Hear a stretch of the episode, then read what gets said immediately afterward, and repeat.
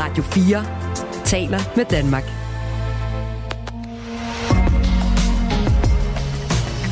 Du lytter til Radio 4 undersøger. Mathilde er dybt fortvivlet. Hun står under bruseren og er nærmest forstenet. Jeg tror aldrig, jeg har følt mig så klam. Jeg tror aldrig, jeg har følt mig så beskidt.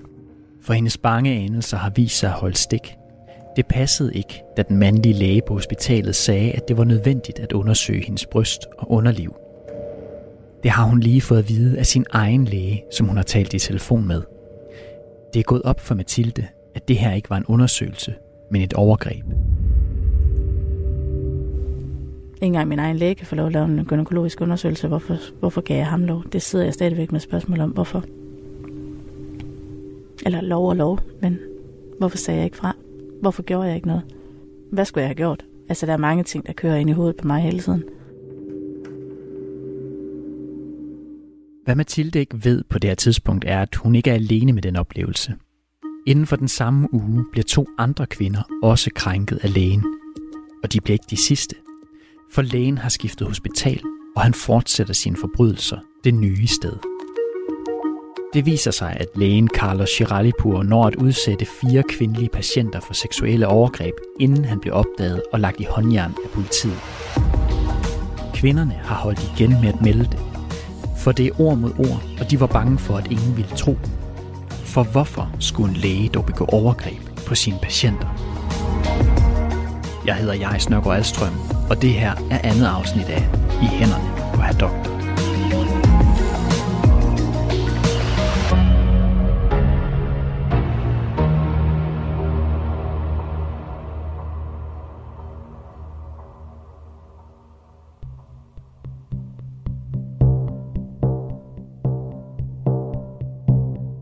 Det er januar 2022, da telefonen ringer hos Anna Storby.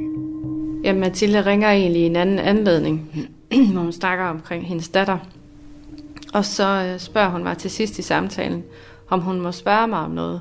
Anna Storby, der er Mathildes privatpraktiserende læge, kan høre, at Mathilde lyder oprevet. Hun har været indlagt med hendes øh, knæ, hun har været faldet på det her løbebånd. Og øh, om det er normalt, at man så skal undersøges meget grundigt her, altså undersøges af bryster og, og indvendigt også. Og det siger jeg, at det er det nok ikke normalvis. Nej, det tænker jeg ikke, der hører hjemme i sådan en undersøgelse. Anna Storby kan ikke forklare, hvorfor Mathilde har fået undersøgt bryster og underliv, så hun inviterer Mathilde hen til sin klinik. Her gennemgår de forløbet og det journalnotat, lægen Carlos Chiralipur lavede, da Mathilde var på hospitalet to dage tidligere. Og der er noget, der undrer Anna Storby. Det jeg kan fortælle Mathilde, det er, at jeg kan ikke se på noget tidspunkt, at det er beskrevet, at der er lavet de her undersøgelser.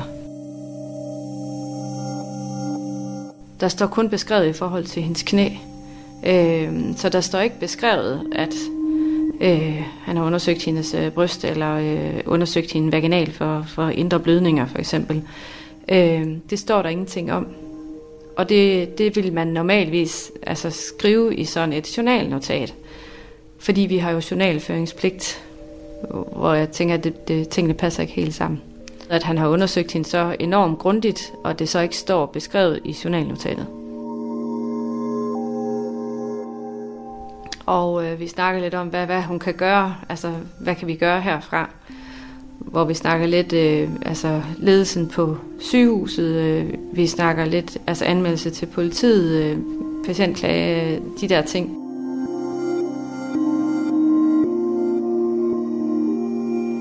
Så de undersøgelser, lægen Carlos Chiralipur har foretaget på Mathilde, har han ikke skrevet ind i hendes journal. Og Mathildes egen læge fortæller, at det slet ikke er undersøgelser, man vil lave i den her situation. Faktisk mener Anna Storby, at det er så alvorligt, at Mathilde bør gå til politiet og anmelde den unge læge fra Viborg. Mathilde er dog opgivende ved tanken om anmeldelse. Altså, jeg har jo gået med den her tanke om, at øh, selvfølgelig er det ikke i orden, det han har gjort. Men jeg har også bare sådan lidt, der har kun været mig og ham på stuen. Der er ikke nogen, der har været der. Der er ikke nogen, der kan se, hvad der er foregået. Der er ikke nogen, der kan vide, altså har han opfanget det på en anden måde, end jeg har opfanget det. Og øh, hvad nu, hvis nu, at han, han siger, at jeg har sagt ja til det, og så jeg lige pludselig kommer i tvivl, har jeg egentlig sagt ja til det?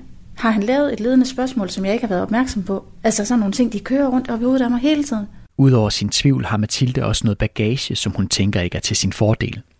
Hendes liv har været turbulent. Hun har børn med fem forskellige mænd, og som 20-årig var hun nødt til at få sit første barn i pleje på grund af en fødselsdepression. Hun tænker, at hun står dårligt i forhold til en læge, og det fortæller hun også Anne Storby, da hun sidder i konsultationen. Hun tænker, at det er ord mod ord, og at hun er bange for, at der ikke er nogen, der vil tro på hende i forhold til, hun har et vist antal børn, og det hun har med sig øh, i forhold til øh, en mand, som er uddannet læge og højt uddannet, at så vil folk være tilbøjelige til at tro på ham frem for hende. Så Mathilde anmelder det ikke, men de bliver enige om, at hun skal gå hjem og tænke over det. Da Mathilde er gået, kan Anna Storby ikke helt slippe tanken om, hvem den her læge må er. Og så øh, spørger min uddannelseslæge, som er i klinikken på det tidspunkt, som er læge og har været læge på akutmodtagelsen, om han kender den pågældende læge, fordi jeg har en patient, der har været udsat for nogle ting, og jeg har behov for lige at høre, om han har et kendskab til den læge, om, om der ligger et eller andet, om han har læst sammen med ham, eller et eller andet, der ja, han kender til ham. Og det, det, det, han kender godt vedkommende, men, men han har ikke noget kendskab til, at der, han skulle have nogen lige i lasten eller et eller andet med sig. Men Carlos Chiralipur har lige i lasten. Men de er på det her tidspunkt ikke kommet til syne. Præcis af samme grund som at Mathildes oplevelser kun er bragt videre til én person. Det er ord mod ord. Men inden for den samme uge, hvor Mathilde blev udsat for overgreb, der krænker han to andre kvinder på Regionshospitalet Viborg, hvor Mathilde også bliver behandlet. Vi har været i kontakt med dem begge, og de ønsker ikke at indgå i et interview om deres oplevelser. Men de vidner senere i retssagen mod Carla Chiralipur. Og ud fra de vidneudsagn kan Tobias Hansen Bødger og jeg fortælle, hvad der sker. To dage før Mathilde bliver udsat for et overgreb, af en anden kvinde på 42 til en kontrolundersøgelse på Regionshospitalet i Viborg. Hun er der, fordi hun skal have tjekket op på en brækket fod. Til undersøgelsen den dag er der en sygeplejerske, og lægen, der skal stå for undersøgelsen, er Carlos Chiralipur. Til at starte med er der ikke noget, der virker anderledes. Det virker som et helt almindeligt besøg på et sygehus. Han starter med at undersøge hendes fod og tjekker, om hun kan bevæge den. Og så efter den her rutinemæssige undersøgelse, så forlader sygeplejersken stuen. Men den 42-årige kvinde, der får blodfortyndende medicin som en del af behandlingen for sin fod, har et spørgsmål, hun gerne vil have lægens vurdering af. Hun har fået et stort blåt mærke på sit lår, og hun er i tvivl om, om hun skal fortsætte med den blodfortyndende medicin. Carlos Iralipur ser så på det her blå mærke og siger, at han gerne vil undersøge hende for andre blå mærker. Og så beder han hende om at trække længere op i kjolen. Og han stiller sig ved siden af hende, og så tager han sin hånd ned over hendes brystkasse, ind under udskæring på hendes kjole, og tager fat om hendes bryst og klemmer to gange.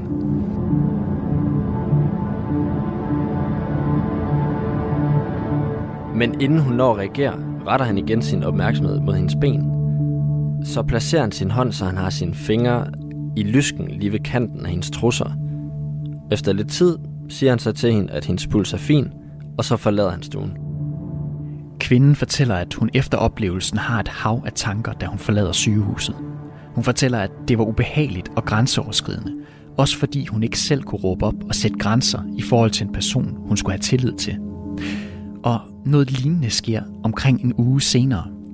Der sker det for en kvinde på 59, der er kommet til skade med sin arm, og det hele bliver bevidnet af hendes voksne datter, der er med hende inde på hospitalet. Kvinden fortæller, at da Carlos Siralipur kommer ind på stuen og undersøger hendes arm, ømmer hun sig en del. Hun siger, at hun oplever ham som grov og hånlig, fordi han kalder hende blandt andet for en pivskid og en klodsmajor. Han forklarer hende så, at hun skal have en slynge på, og så går han. Men ligesom i de andre tilfælde, så tager det en drejning. For mens hun sidder på briksen og venter på, at den sygeplejerske skal komme med en slynge til hendes arm, kommer Carlos Chiralipur ind på stuen igen. Ifølge kvinden går Carlos Chiralipur ret målrettet hen mod briksen, og da han så kommer hen til hende, tager han sin hånd ind under trøjen på hende og videre ind under hendes BH, og så tager han fat og klemmer om hendes bryst. Og kvinden siger så, hvad laver du? Og han svarer, at han bare vil tjekke, om hun har brækket sin ribben. De to kvinder kommer altså begge ind på hospitalet med skader, de skal have en læge til at undersøge, men oplever begge, at de i forbindelse med undersøgelserne bliver taget på brystet. Begge to er ikke i tvivl om, at der var sket noget, der ikke skulle finde sted. Men ligesom Mathilde anmelder de det ikke med det samme. Bekymringen er, at der ikke er nogen, der vil tro på det. Men Mathilde har en plan, som hun tænker kan hjælpe, så andre vil tro hende. Hun vil have Carlos Chiralipur til at indrømme, hvad han har gjort. Hun kender hans fulde navn, og hun finder ham på sociale medier. Og hun begynder at skrive til ham på Messenger og på Instagram. Der var der jo et ret stort pres på, at jeg skulle melde det her, og jeg skulle gøre noget i det, og jeg sad jo oppe i min læge hele tiden og sådan noget. Hvor jeg besluttede mig for, at jeg ville simpelthen ikke øh, gå igennem den her sag her. Jeg vil have noget, hvor han bekræfter mig i, at jeg faktisk har ret. Men han svarer ikke på hendes beskeder.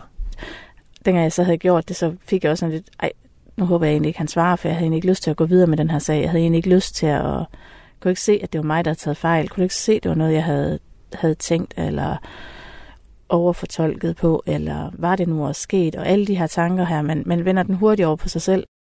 Der går omtrent to uger, og pludselig er der en besked i Mathildes indbakke på Instagram, og det er fra ham. Kan vi læse dem? Jeg tror, jeg profilen her på Instagram, han har så slettet hans profil. Øhm, jeg skriver til ham, der skriver jeg tak for god behandling. Lægen svarer på beskeden fra sin patient. Han skriver, det var så lidt, M. Husk nu ikke for meget solarie til din kære hud. M er jo meget mørkere end Dr. C. Og så svarer Mathilde ham, nej nej, og tre grinesmiley'er. Og så skriver hun, hvem skal nu undersøge mig, når jeg kommer med mit knæ? Og han svarer, godt spørgsmål, M. Ingen tvivl om, at behandlingskvaliteten kommer til at falde. Smiley. Og Mathilde skriver, jeg er da ret sikker på, at den indvendige undersøgelse vil blive undladt fremover, men du har gjort mig en smule nysgerrig. Og så svarer han, altid vigtigt at være grundig i sin gennemgang, M.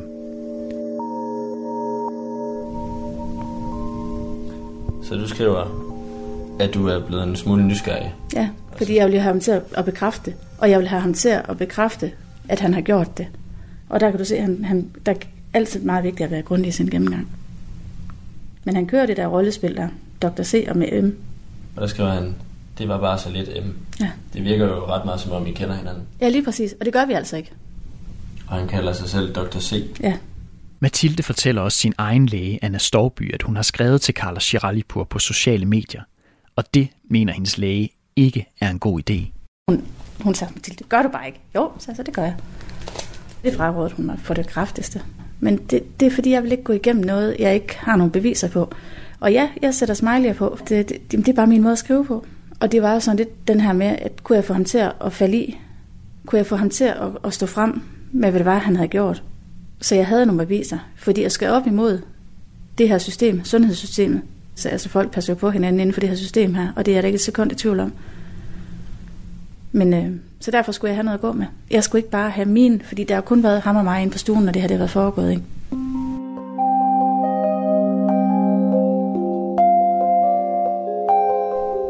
Selvom Mathilde mener, at Carla Chiralipur mellem linjerne har erkendt, at han har lavet de indvendige undersøgelser på hende, er hun stadig ikke klar til at anmelde ham.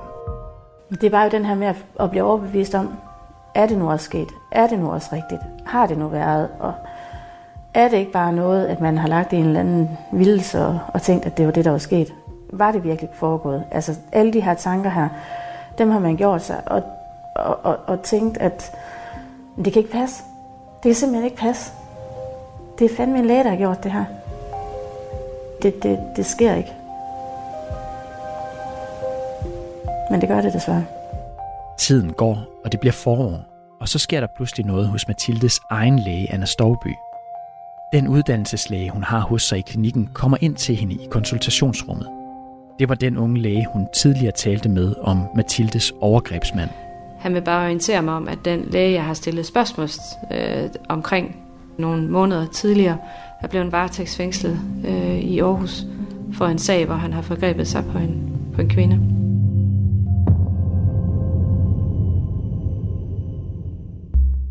Anna går på nettet for at se, om der er nogle medier, der har skrevet om det her. Og her finder hun historien om, at en læge er anholdt for et overgreb. Og også en artikel i Aarhus Stiftstidende, hvor en ung kvinde i anonymiseret form fortæller, hvad han har gjort ved hende. Det her overgreb er foregået på Aarhus Universitetshospital, for lægen har skiftet job, siden Mathilde mødte ham. Og så kontakter jeg Mathilde og fortæller hende, at der lige nu kører en sag i, i Aarhus øh, om, omkring ham.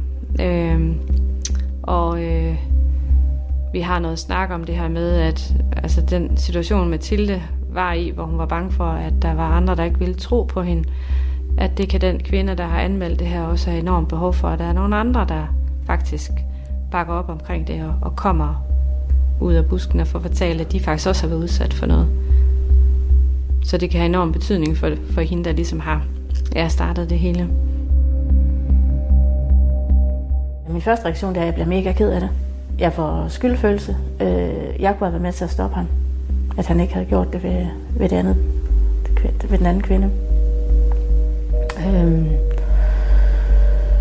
Og alligevel så bliver jeg faktisk også lettet. At vi faktisk var flere. At det ikke bare var mig. Jeg tænkte i hvert fald, så er vi der i hvert fald to. Men der går jo ikke lang tid, inden det går op for mig, at vi faktisk ikke kun er os to.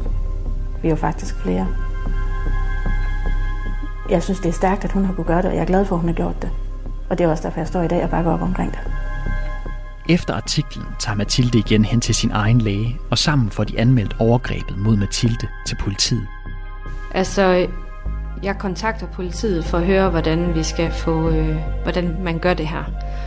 Øh, og han anbefaler jo så, at hun anmelder det. Og så kommer Mathilde op til mig øh, en dag i klinikken, og så gør vi det sammen. Altså ringer til politiet sammen. Og det samme også med øh, til Patientstyrelsen og Patientklagen, der gør vi det også sammen på, på min computer, hvor Mathilde og mig sidder ved siden af hinanden. Det er ikke blot Mathilde, der anmelder Carlos Chiralipur, efter den unge kvinde anonym står frem i en artikel. Det gør de to andre kvinder, vi har fortalt om i det her afsnit også.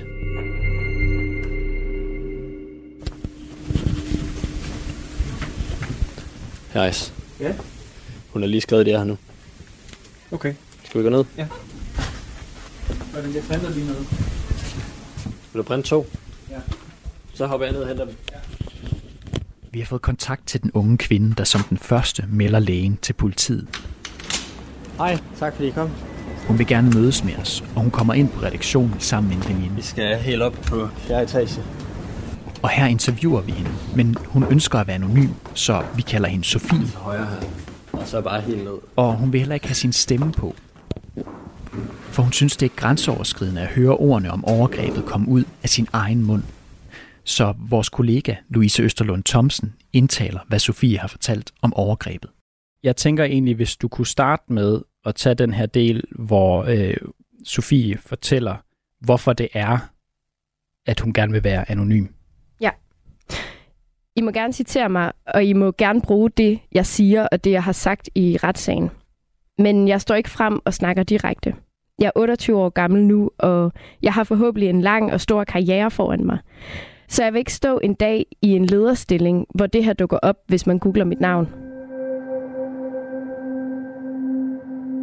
Sofie møder Carla Chiralipur i midten af marts 2022. Jeg begynder at blive syg om onsdagen, og torsdag så kan jeg mærke, at man har den her lidt ømhed i kroppen. Og så er jeg sådan, åh oh nej, det har jeg ikke tid til det her, for jeg skal passe mit arbejde. Og jeg tager også afsted, men jeg bliver bare dårligere og dårligere.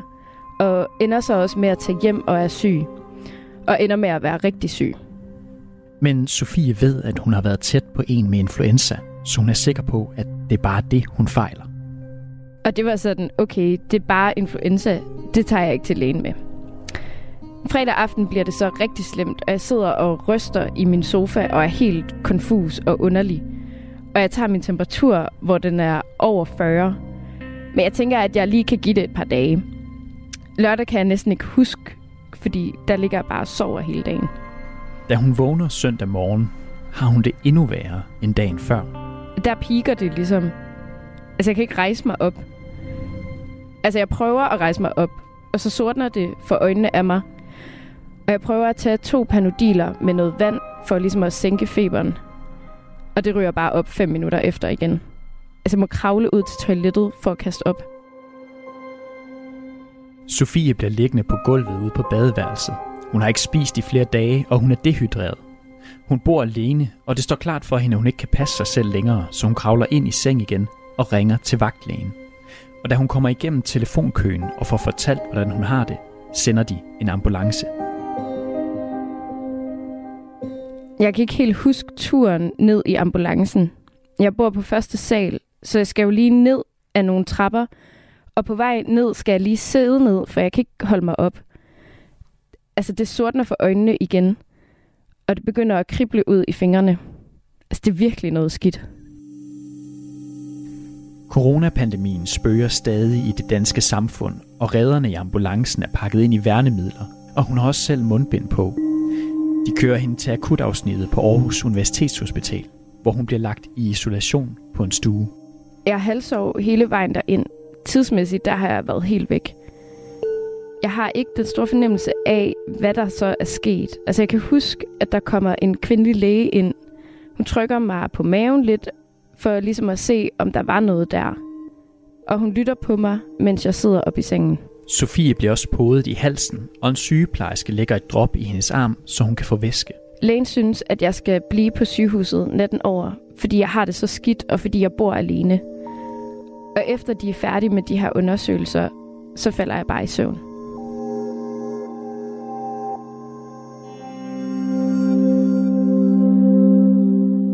Hen på eftermiddagen omkring kl. 15 bliver Sofie vækket. Der står en mandlig læge på hendes stue. Han fortæller, at der er kommet svar på hendes prøver. Hun har influenza A, og denne læge er enig med sin kollega i, at det mest forsvarlige er at lade hende overnatte på hospitalet. Ved den besked lægger hun sig til at sove igen. Da hun igen slår øjnene op, står der en ny mandlig læge inde på hendes stue. Det er nu tidligt på aftenen. Han er iført mundbind, visir, engangskittel og gummihandsker. Det er Carlos Chiralipur.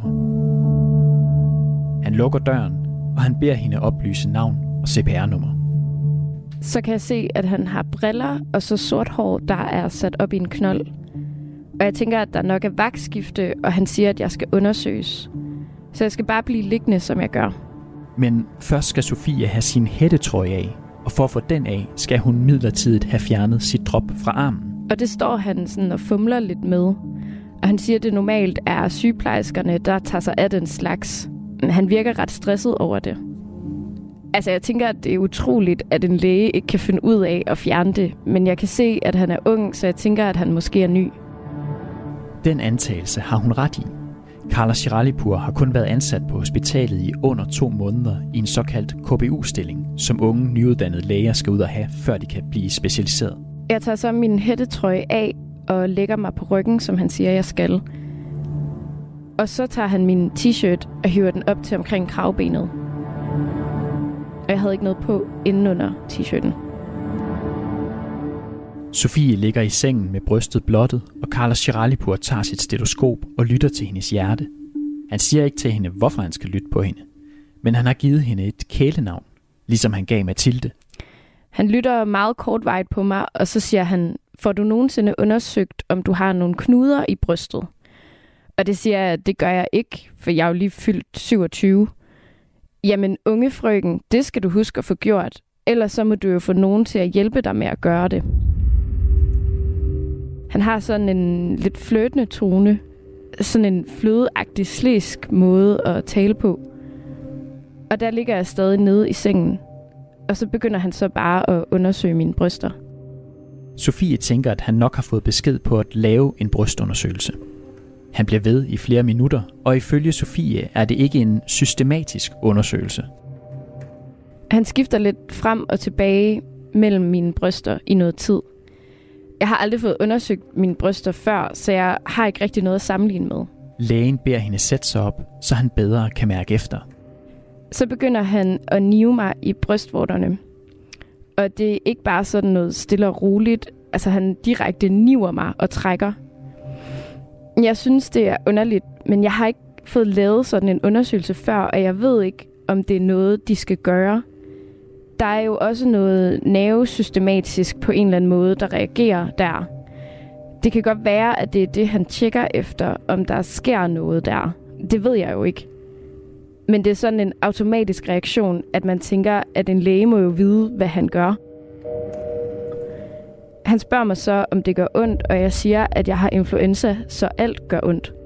Lægen fortæller hende ikke, om han finder nogle ujævnheder ved hendes bryster, men han begynder at stille hende personlige spørgsmål omkring betydningen af hendes tatovering, og om hvad hun laver til daglig, og hvor hun bor henne, og om hun har en kæreste.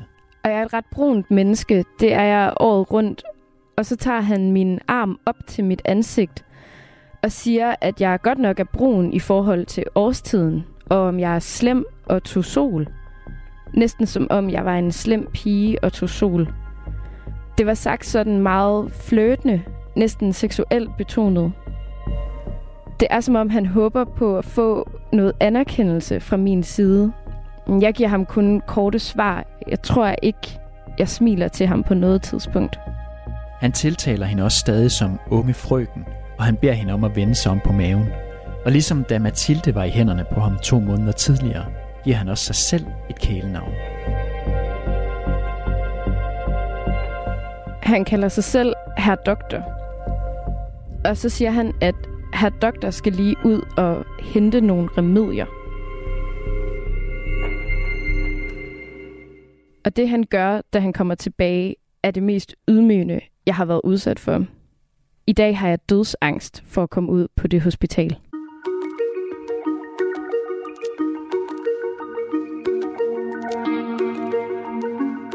Du har lyttet til andet afsnit af I hænderne på herr doktor.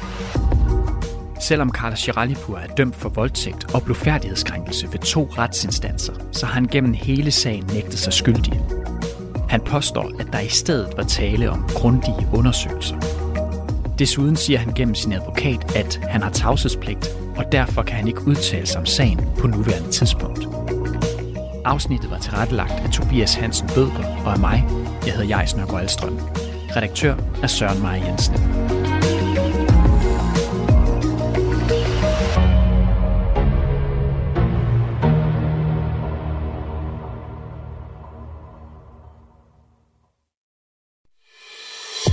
Du har lyttet til en podcast fra Radio 4. Find flere episoder i vores app, eller der, hvor du lytter til podcast. Radio 4 taler med Danmark.